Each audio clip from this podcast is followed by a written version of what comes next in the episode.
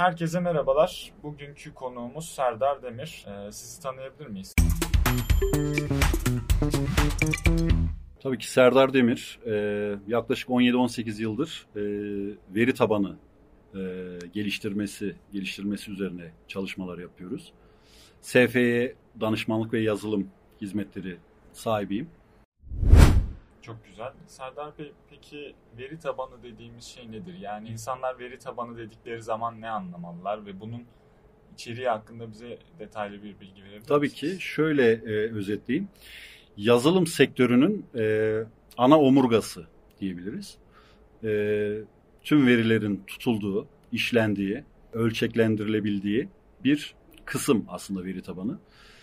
Yazılım sektörünün dediğim gibi bel kemiği ve biz bunu tamamen yerli üretim şeklinde yaptık ve Türkiye'de ilk olarak e, bazı kamu kurumlarına da bunu kurduk, denedik, test ettik ve başarılı olduk. Bundan sonra da çalışmalarımız veri tabanı üzerine yoğunlaşmış bir şekilde devam etmekte.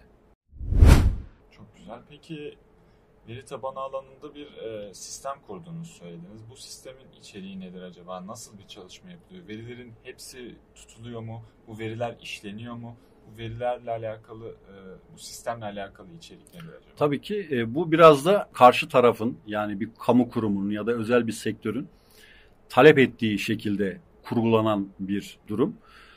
Biz verilerimiz tutuldu, işlendi. Mesela bunu Çevre Şehircilik Bakanlığı'nda test ettik.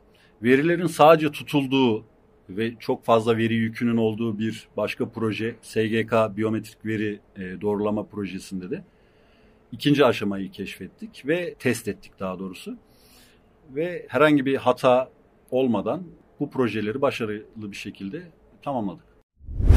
Peki şu anda veri bilimi dediğimiz zaman insanlar biraz tedirgin oluyorlar. Çünkü bizim birçok verimiz var, birçok mahrem bir bilgimiz var. Bunların Evet. işlenmesiyle alakalı, bunların depolanmasıyla alakalı belli başlı endişeler mevcut. Bugün veri biliminin bu endişeleri e, kapsadığıyla alakalı ne yorum yaparsınız? Yani insanlar gerçekten endişelenmeliler mi? Tabii ki endişelenmeliler çünkü daha önce insanların biyometrik verilerinin işte çalındığı haberleri çıkmıştı. Bununla ilgili soruşturmalar filan başlatılmıştı. Hem biyometrik verilerimiz hem devletimize ait gizli yazışmalar diyelim, gizli belgelerin tutulduğu veri tabanlarımız hala e, maalesef yabancı menşeili. Biz de buna alternatif, tamamen yerli bir e, veri tabanı geliştirdik ki en azından devlet olarak, ülke olarak bu endişeyi e, en aza indirelim. Bunun için de genç arkadaşların, genç kardeşlerimizin veri tabanı, veri madenciliği e, sektörüne de yoğunlaşmasını aslında çok istiyorum. Ve son 5 yıl ki bu gençlerin atılımlarından, çalışmalarından da e, ümitliyim, memnunum. İnşallah daha iyi yerlere geleceğiz veri tabanı konusunda. Peki e, son zamanlarda şirketler olsun, dediğiniz gibi kamu kurumları olsun, veriye, veri tabanına, veri bilimine fazlasıyla para harcıyorlar. Fazlasıyla yatırım yapıyorlar. Peki bunun e, tek bir adresi var mı yoksa gerçekten e, sizin yaptığınız gibi belirli şirketler e, gidip her e, kuruma, her şirkete, her oluşuma belli bir veri sistemini kuruyor?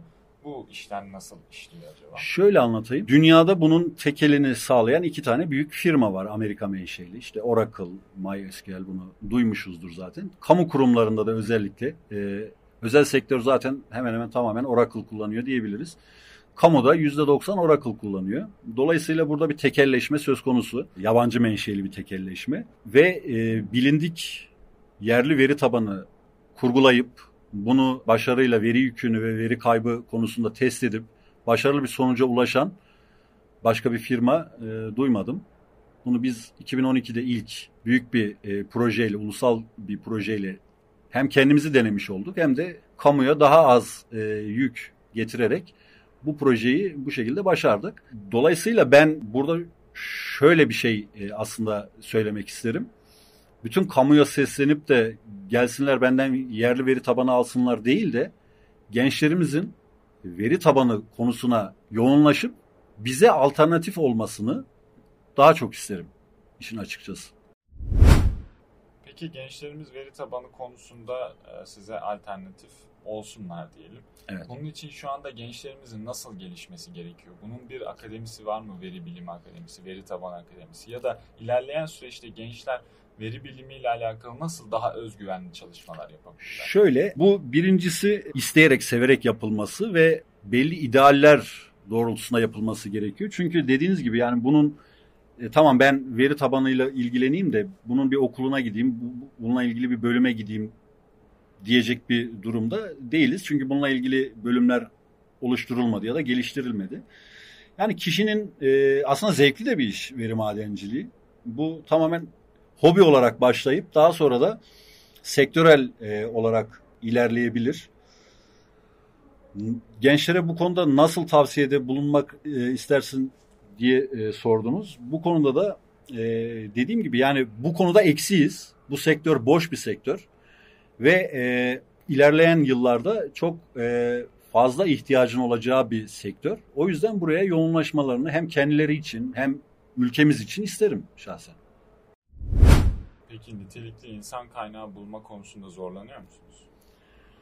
Şöyle tabii ki zorlanıyoruz maalesef. Ee, ama insanımız şöyle kendini çabuk geliştirebiliyor. Çabuk adapte olabiliyor birçok şeye. Yani bu konuyla ilgili hiçbir bilgisi olmayan hatta yani tamamen farklı bir sektörde olan birisi şu an e, bizim birimimizde e, kod yazıyor yani. Kendini geliştirebilen ve adaptasyonu çabuk olan bir milletiz. Bu konuda ümitliyim yani. Geç öğrenen bir millet değiliz aslında. Sadece yoğunlaşmak gerek ve insanlarımızın önünü açmamız gerekiyor. İşin özeti bu. Peki son olarak eklemek istediğiniz gerçekten SFY yazılım danışmanlığında sahibisiniz aynı zamanda.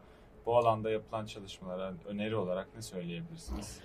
Şimdi ben dediğim gibi yani kamu kurumlarına daha fazla e, proje geliştirmemiz gerekiyor. Bunun için e, öğrencilerimizin, gençlerimizin önce kendi alanlarında kendilerini geliştirip daha sonra da dediğim gibi yani özellikle kamu diyorum.